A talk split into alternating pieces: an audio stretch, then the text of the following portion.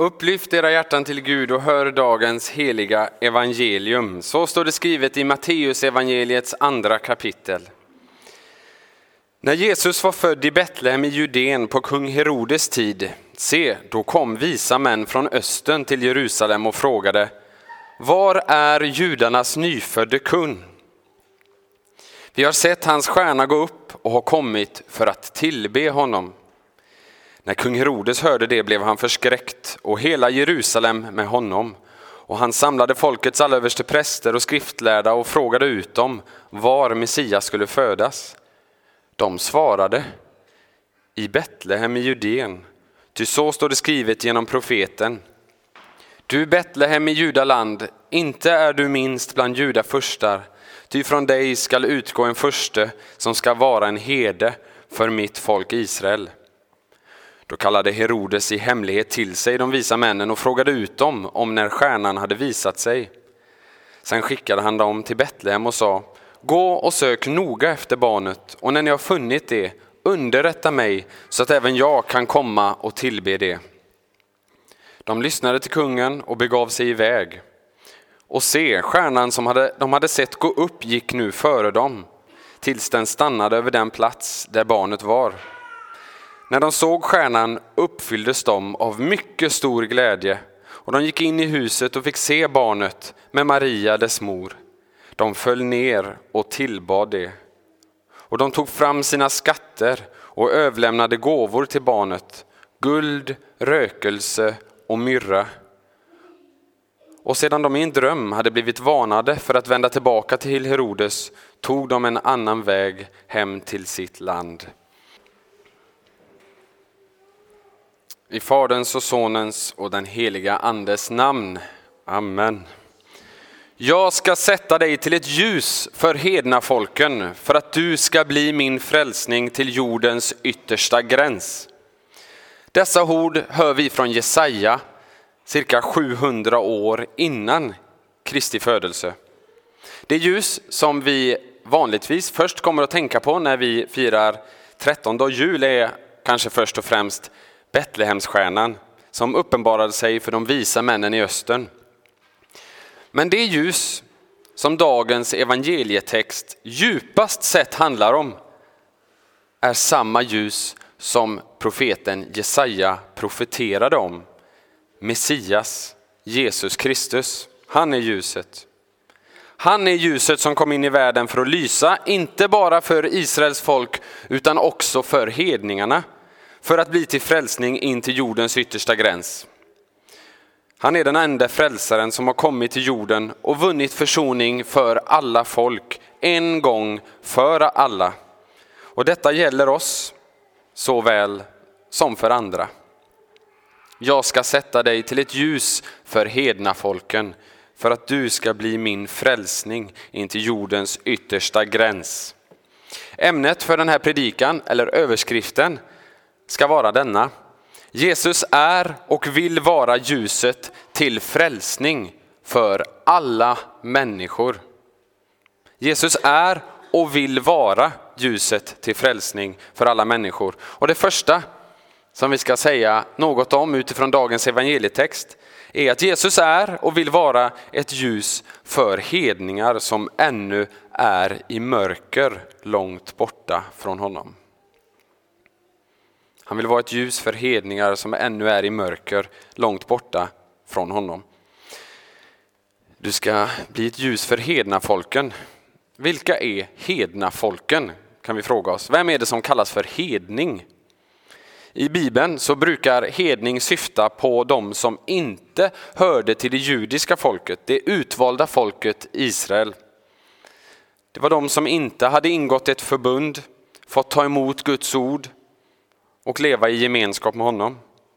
Och därför kallas ju Paulus, som ni kanske känner till, för hedna missionären. Han gav sig ut och förkunnade ljuset som föddes i Betlehem, också för dem som inte tillhörde det, eh, hans eget folk, det judiska folket. Och det betyder att vi svenskar i denna mening är hedningar. Vi tillhör inte det judiska folket. Vi är hedningar precis som männen, främlingarna från öster var. Samtidigt så talar Bibeln om den kristna kyrkan som det sanna Israel. Där talas det om hur släktskap med Abraham, som den judiska identiteten innebär, inte automatiskt betyder att man är en del av Guds folk Israel, det sanna Israel. Det sanna Israel, läser vi i Romarbrevets nionde kapitel, är istället löftets barn.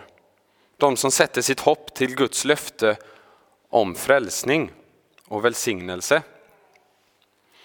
Paulus citerar profeten Hosea och säger De som inte var mitt folk ska jag kalla mitt folk och den oälskade ska jag kalla min älskade. Och vi kan i Bibeln se att det här har varit Guds mening, Guds plan, Guds tanke ända från början.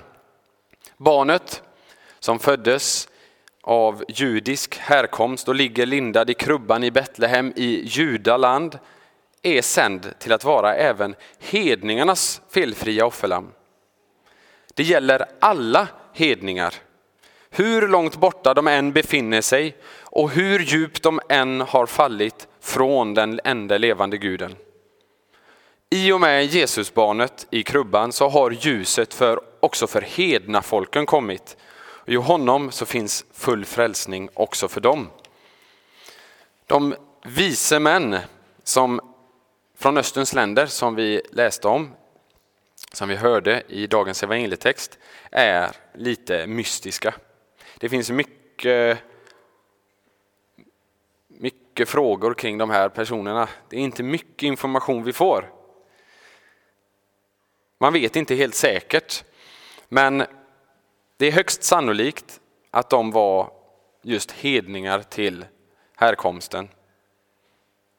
Det, eller det vet vi i och för sig. Vi vet att de var hedningar till härkomsten. Det ord som i våra biblar översätts med visa män är magoj. Magoj. Det är samma ord som vi har fått uttrycket magiker ifrån. Magiker. Ibland så översätts ordet också med, med eh, ordet mager. Men jag tycker inte det låter riktigt lika bra på svenska. Eh, men magoj. De här magerna, magojerna, de var på antikens tid det var ett sorts samlingsnamn för den tidens välutbildade experter på vissa områden. Sådana som ofta anställdes vid hoven för att på olika sätt bistå kungar och furstar i deras beslut. Och det här samlingsnamnet, mager eller magojer, kallades alla som sysslade med just dröm och stjärntydning. Men också om de sysslade med spådom och det som vi kallar magi. Det här uttrycket används bland annat om de babyloniska stjärntydarna. De var helt enkelt antika astrologer, sådana som genom att studera stjärnhimlen menade att de skulle kunna utläsa vad som kommer hända i framtiden. Olika budskap från himlen i stjärnbilderna. Och Bibeln talar ju faktiskt om, det får vi erkänna, att Gud kan tala till människor genom skapelsen. I Romarbrevet står det att ända från världens skapelse så uppfattas och syns hans osynliga egenskaper, hans eviga makt och gudomliga natur genom de verk han har skapat. Visst är det så att vi kan vara naturvetare, vi kan studera naturen och vi kan komma till den slutsatsen, detta är inte en slump. Det är en stor, mäktig kraft, Gud, intelligent tanke bakom detta stora, fantastiska, exakta. Det kan vi utläsa ur skapelsen. Men vi hör i dagens text att de specifikt sökte judarnas nyfödde kung. Det är väldigt specifika saker. Och att de har kommit för att tillbe honom. Och det här är väl trots allt mer än vad man genom skapelsen i stjärnorna ensamt skulle kunna komma fram till. Och därför kan man fråga sig vad det var som verkligen ledde de vise männen den långa vägen till Israel. Mycket tyder på att de trots allt kände till något om profetiorna i Guds ord, i Bibeln. Gud tycks ha kallat dem, också i detta fallet, genom sitt ord. Kanske så är det så att de hade någon liten fragmentarisk kunskap om judarnas märklige, kung, märklige Gud och deras kommande kung. Kanske genom ett kollektivt minne, ni vet ett sånt som kan finnas kvar i ett, utan att för den saken skulle vara nedtecknat. I, att det var någonting som de ändå mindes i östern från den tid då det judiska folket var fångar i Babylonien. För det var ju där som Daniel blev en högt uppsatt rådsherre. Och det var där som Daniel tillsammans med sina vänner fick vara vittne om judarnas mäktige Gud som både bevarade dem från elden i ugnen, som bevarade Daniel från lejonen i gropen. Det vore inte underligt om en hel del av de andra rådsherrarna och vise männen som till en början var avundsjuka intresserade sig för judarnas mäktige Gud. Kanske var det så att de hade hört eller läst de här styckena i Gamla Testamentet, såsom Moseböckerna kanske, fjärde Moseboks fjärde, 24 kapitel, där det står en stjärna stiger fram ur Jakob, en spira höjer sig ur Israel. De kanske kände till det. Och så genom att titta på stjärnhimlen så försökte de Lägg ihop ett plus ett. De satte uppenbarligen sitt hopp till Guds löfte som de kände till.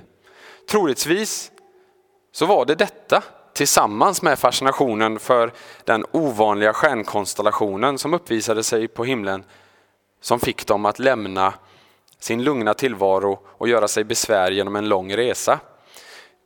Det finns inte tid och möjlighet i den här gudstjänsten, i den här predikan, att tala om, om vad det kunde ha varit för stjärnkonstellation, men det finns otroligt intressanta saker att läsa och kolla upp om det här.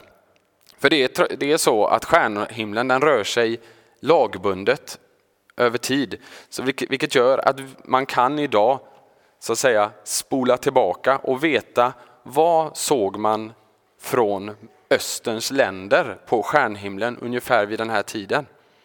Och om ni kollar upp det så ska ni se att det är inte konstigt att de gav sig av.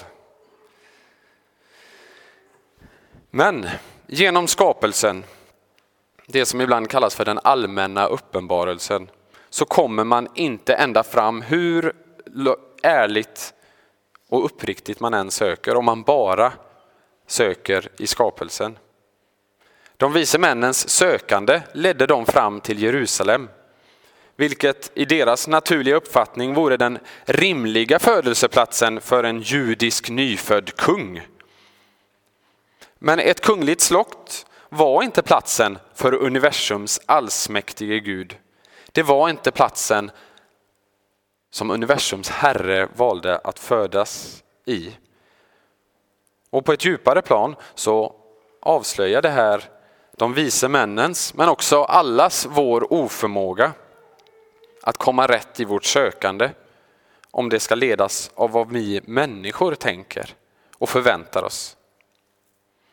Vårt samvete är förvirrat, förmörkat. Vårt förnuft är fördunklat när det handlar om Gud. Där i Jerusalem så fick de istället en ännu tydligare vägvisare och ett starkare ljus till att finna frälsaren än den stjärna som de, eller den stjärnkonstellation som de hade sett. De fick Guds eget ord som vägvisare. Du Betlehem i Judaland, du är alls inte minst bland judafurstar, för från dig ska utgå en furste som ska vara en hede för mitt folk Israel. Det fick de höra mot alla mänskliga förväntningar om hur Gud borde möta oss, om han nu är så mäktig och stor.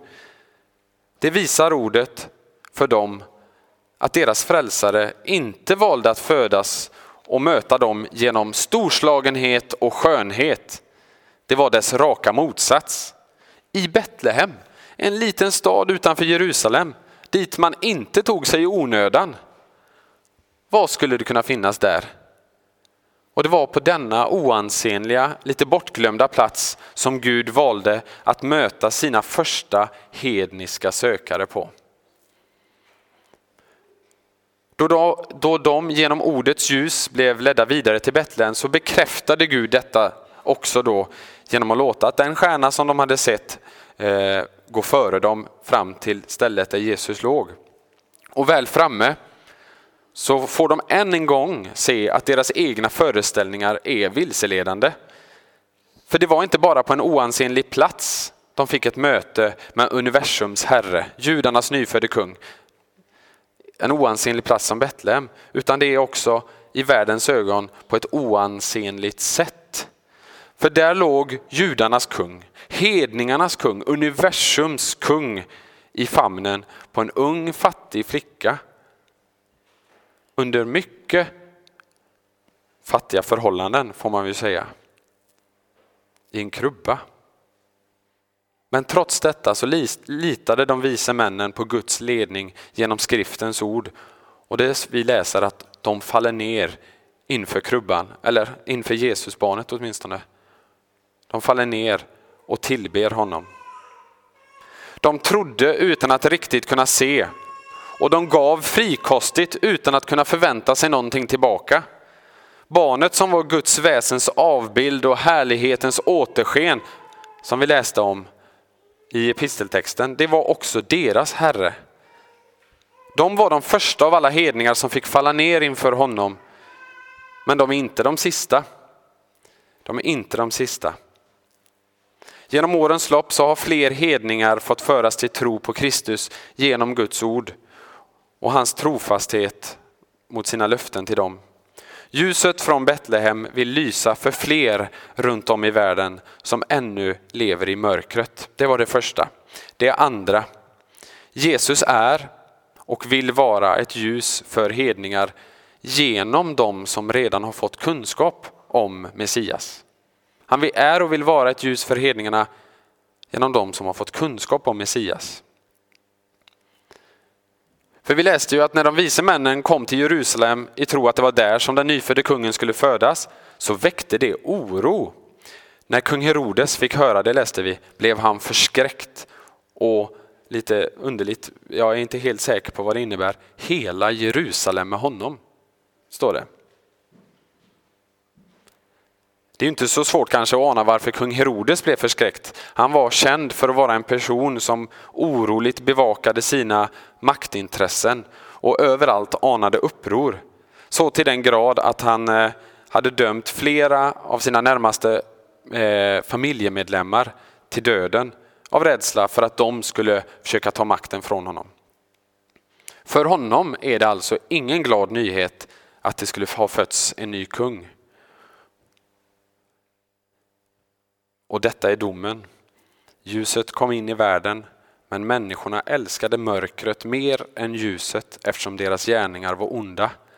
Den som gör det onda hatar ljuset och kommer inte till ljuset för att hans gärningar inte ska avslöjas.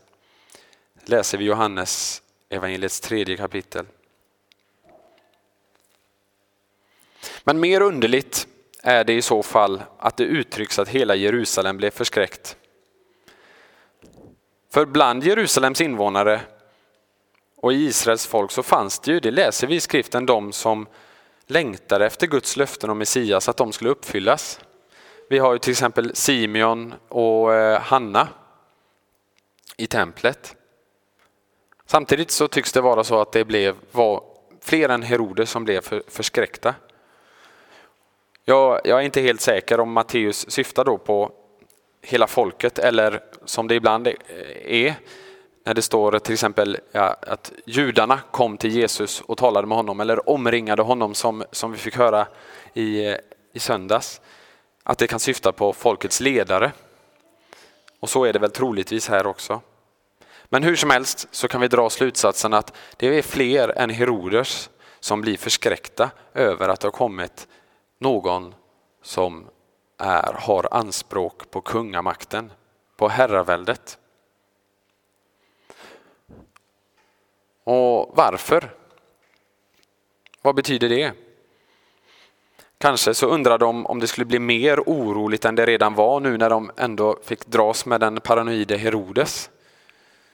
Eller så var det för övermäktigt att ta in att människor hade färdats långt eftersom de på Guds stjärnhimmel hade sett något som skulle ändra situationen för dem.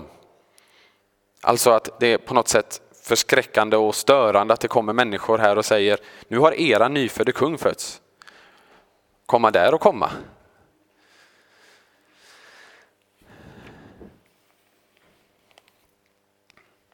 De kände ju alldeles säkert till profetiorna om Messias. Det var ju stora Messias-förväntningar på den här tiden.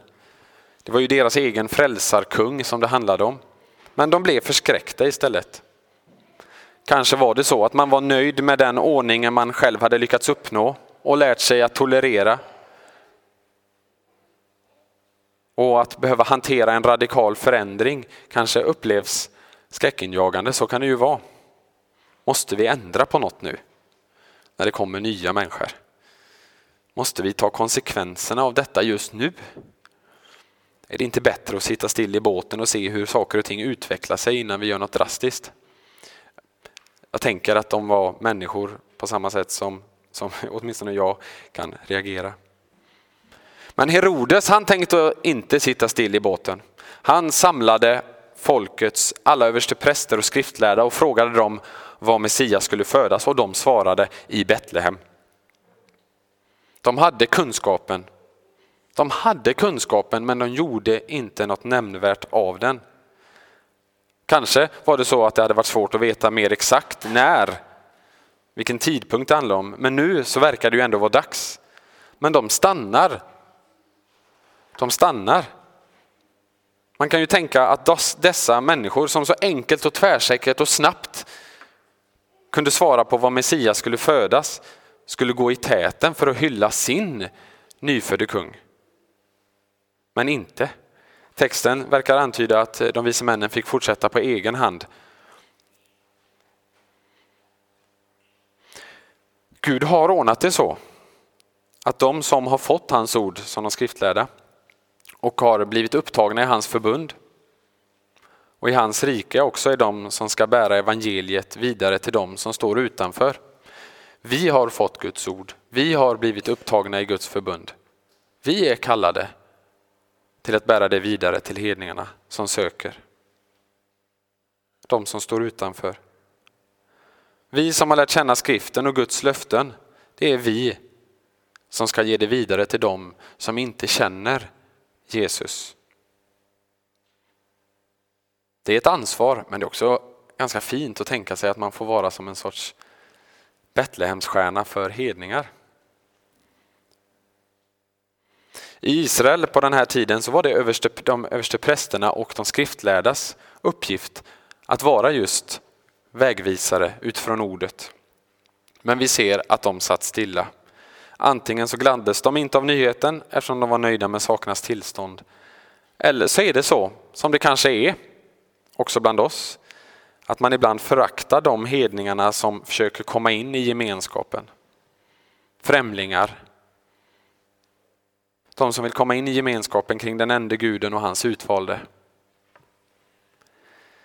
Eller så var det kanske så att de var rädda för att förlora sin privilegierade ställning i, i riket genom att uppröra makten på det sättet. Och den frestelsen finns också för oss.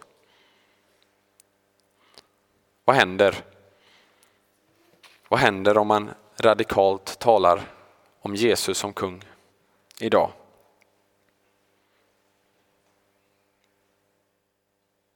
Jag tror att det oroar, oroar mer än en av oss. Vad händer med mig då på skolan, på jobbet? Det är rätt skönt att vara en vanlig Svensson eller Andersson.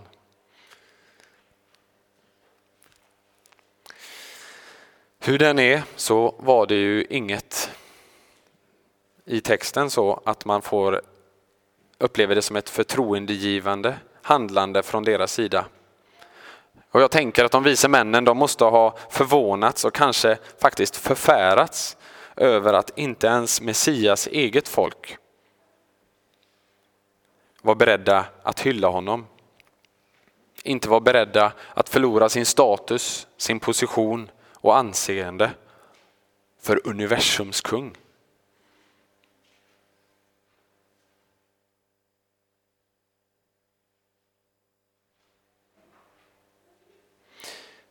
Och det kan vi ju fundera på i vår egen situation. Hur ser det ut? Om vi inte vågar bekänna honom som kung och tala om Jesus så som kung. Vad vittnar vi om då? Det var det andra. Vi har det ansvaret men också fantastiska privilegiet att faktiskt kunna få vara Betlehemsstjärnor, ljus för hedningar. Det tredje och sista. Jesus är och vill vara ett ljus för dig som kämpar mot hedningen inom dig. Det är så både med dig och mig att vi också har en hedning inom oss. Att det pågår en dragkamp i vårt kristna liv mellan den nya människa som Gud genom dopet och tron har uppväckt i oss det som Paulus säger, till min inre människa glädjer jag mig över Guds lag. Men det pågår en dragkamp mellan den nya människan och den gamla människans hedning, om jag får kalla det så, som fortfarande ofta och på många sätt gör sig påmind. I dagens text så möter vi människor, flera olika förstås, som vi kan känna igen oss i. Och några framstår ju då som avskräckande exempel. Vi har ju Herodes och vi har de skriftlärda. Men några framstår som föredömen och det är ju de här magerna, eller magojerna, de vise männen. Och vi har något gemensamt med alla dessa typer som vi möter. För visst är det så att vi likt Herodes vet med oss att vi inte sällan blir lite provocerade av att tala om Jesus som kung och herre. Det går väl an att höra, höra talet om det. Men att det skulle innebära att, att man på alla livets områden ska falla ner inför honom.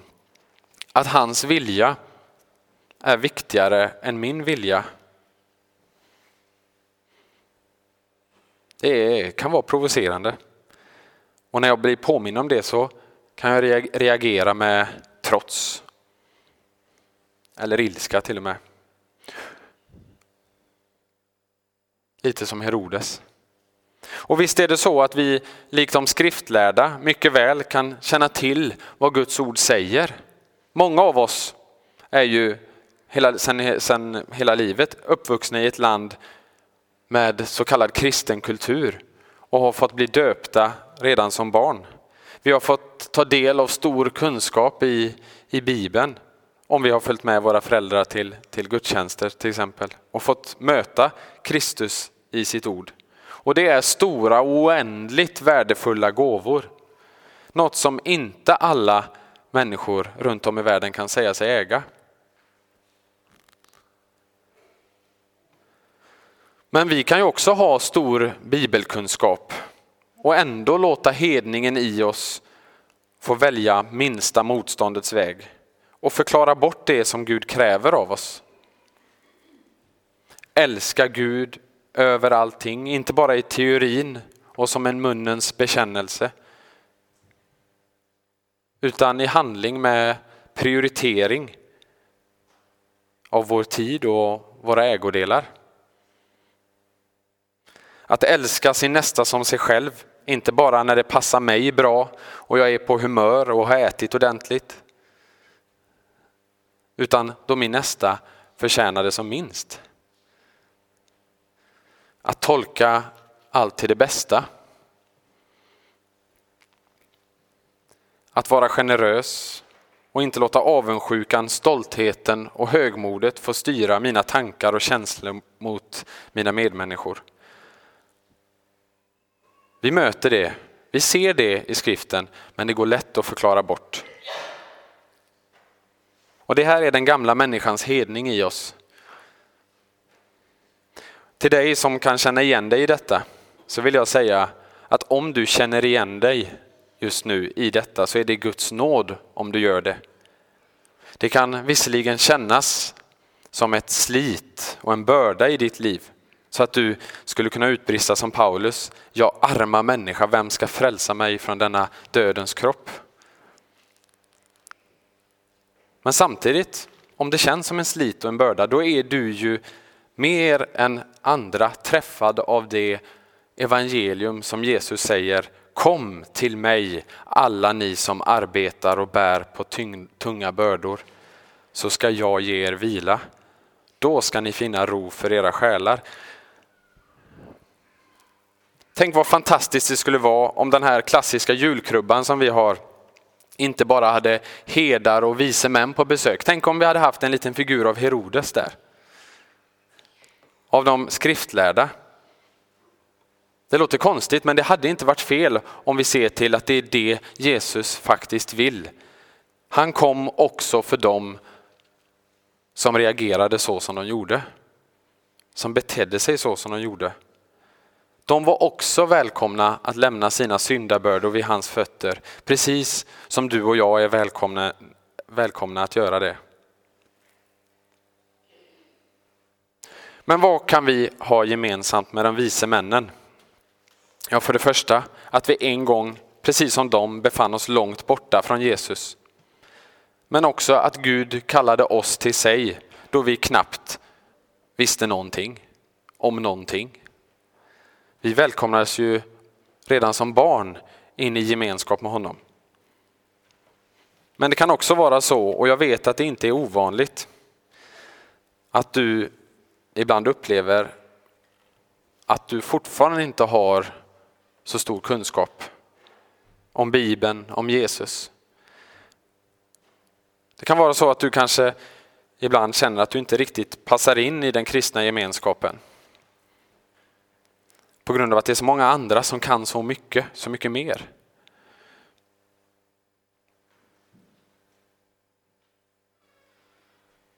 Jag vet människor som, som har dragit sig för att komma till olika kristna sammanhang just på grund av den känslan. Och kanske är det någon av oss som känner så också.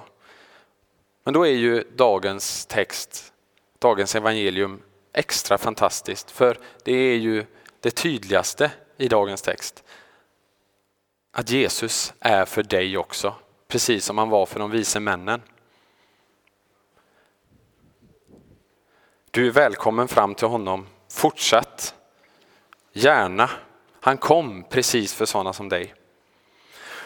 Och även om du skulle befinna dig långt borta, även om du kanske har blandat upp sanningen med falska föreställningar om både Gud och dig själv, så ska du veta att Kristus är sänd till jorden just för dig, för sådana som dig, för dig, för att vara det enda och det sista offerlammet och sona synder och falskhet, högmod, ovilja i ditt ställe. Men vet också att Gud leder dig, precis som han ledde de vise männen, till sitt ord. Och där får du fortsatt och en, en viss, alltså inte en viss, utan en visshetsviss vägledning fram till Kristus. Så låt oss falla på knä inför honom och tro detta evangelium. Det var för mig. Precis som hedningarna som var långt borta som frimodigt tog den långa vägen. Det gällde dem och det gäller dig, det som sägs vid altarbordet. För dig utgiven, för dig utgjutet till syndernas förlåtelse. Amen. Vi ber. Lovad vare Gud och välsignad i evighet som med sitt ord tröstar, lär, förmanar och varnar oss. Heliga Ande, skriv ordet i våra hjärtan så att vi inte blir glömska hörare, utan varje dag växer till i tro, hopp, kärlek och tålamod in till tidens slut och blir saliga. Genom Jesus Kristus, vår Herre. Amen. Låt oss så högt och gemensamt stå upp och bekänna den tro som vi har blivit döpta till i Kristi kyrka. Vi tror på Gud Fader allsmäktig, himmelens och jordens skapare. Vi tror också på Jesus Kristus, hans enfödde son, vår Herre, vilken är avlad av den helige Ande, född av jungfru Maria, pinad under Pontius Pilatus, korsfäst, död och begraven, nederstigen till dödsriket, på tredje dagen uppstånden igen ifrån de döda, uppstigen till himmelen, sittande på allsmäktig Gud faders högra sida, därifrån igenkommande till att döma levande och döda. Vi tror också på den heliga Ande, en helig allmännelig kyrka, det heliga samfund, syndernas förlåtelse, kroppens uppståndelse och ett evigt liv. Amen.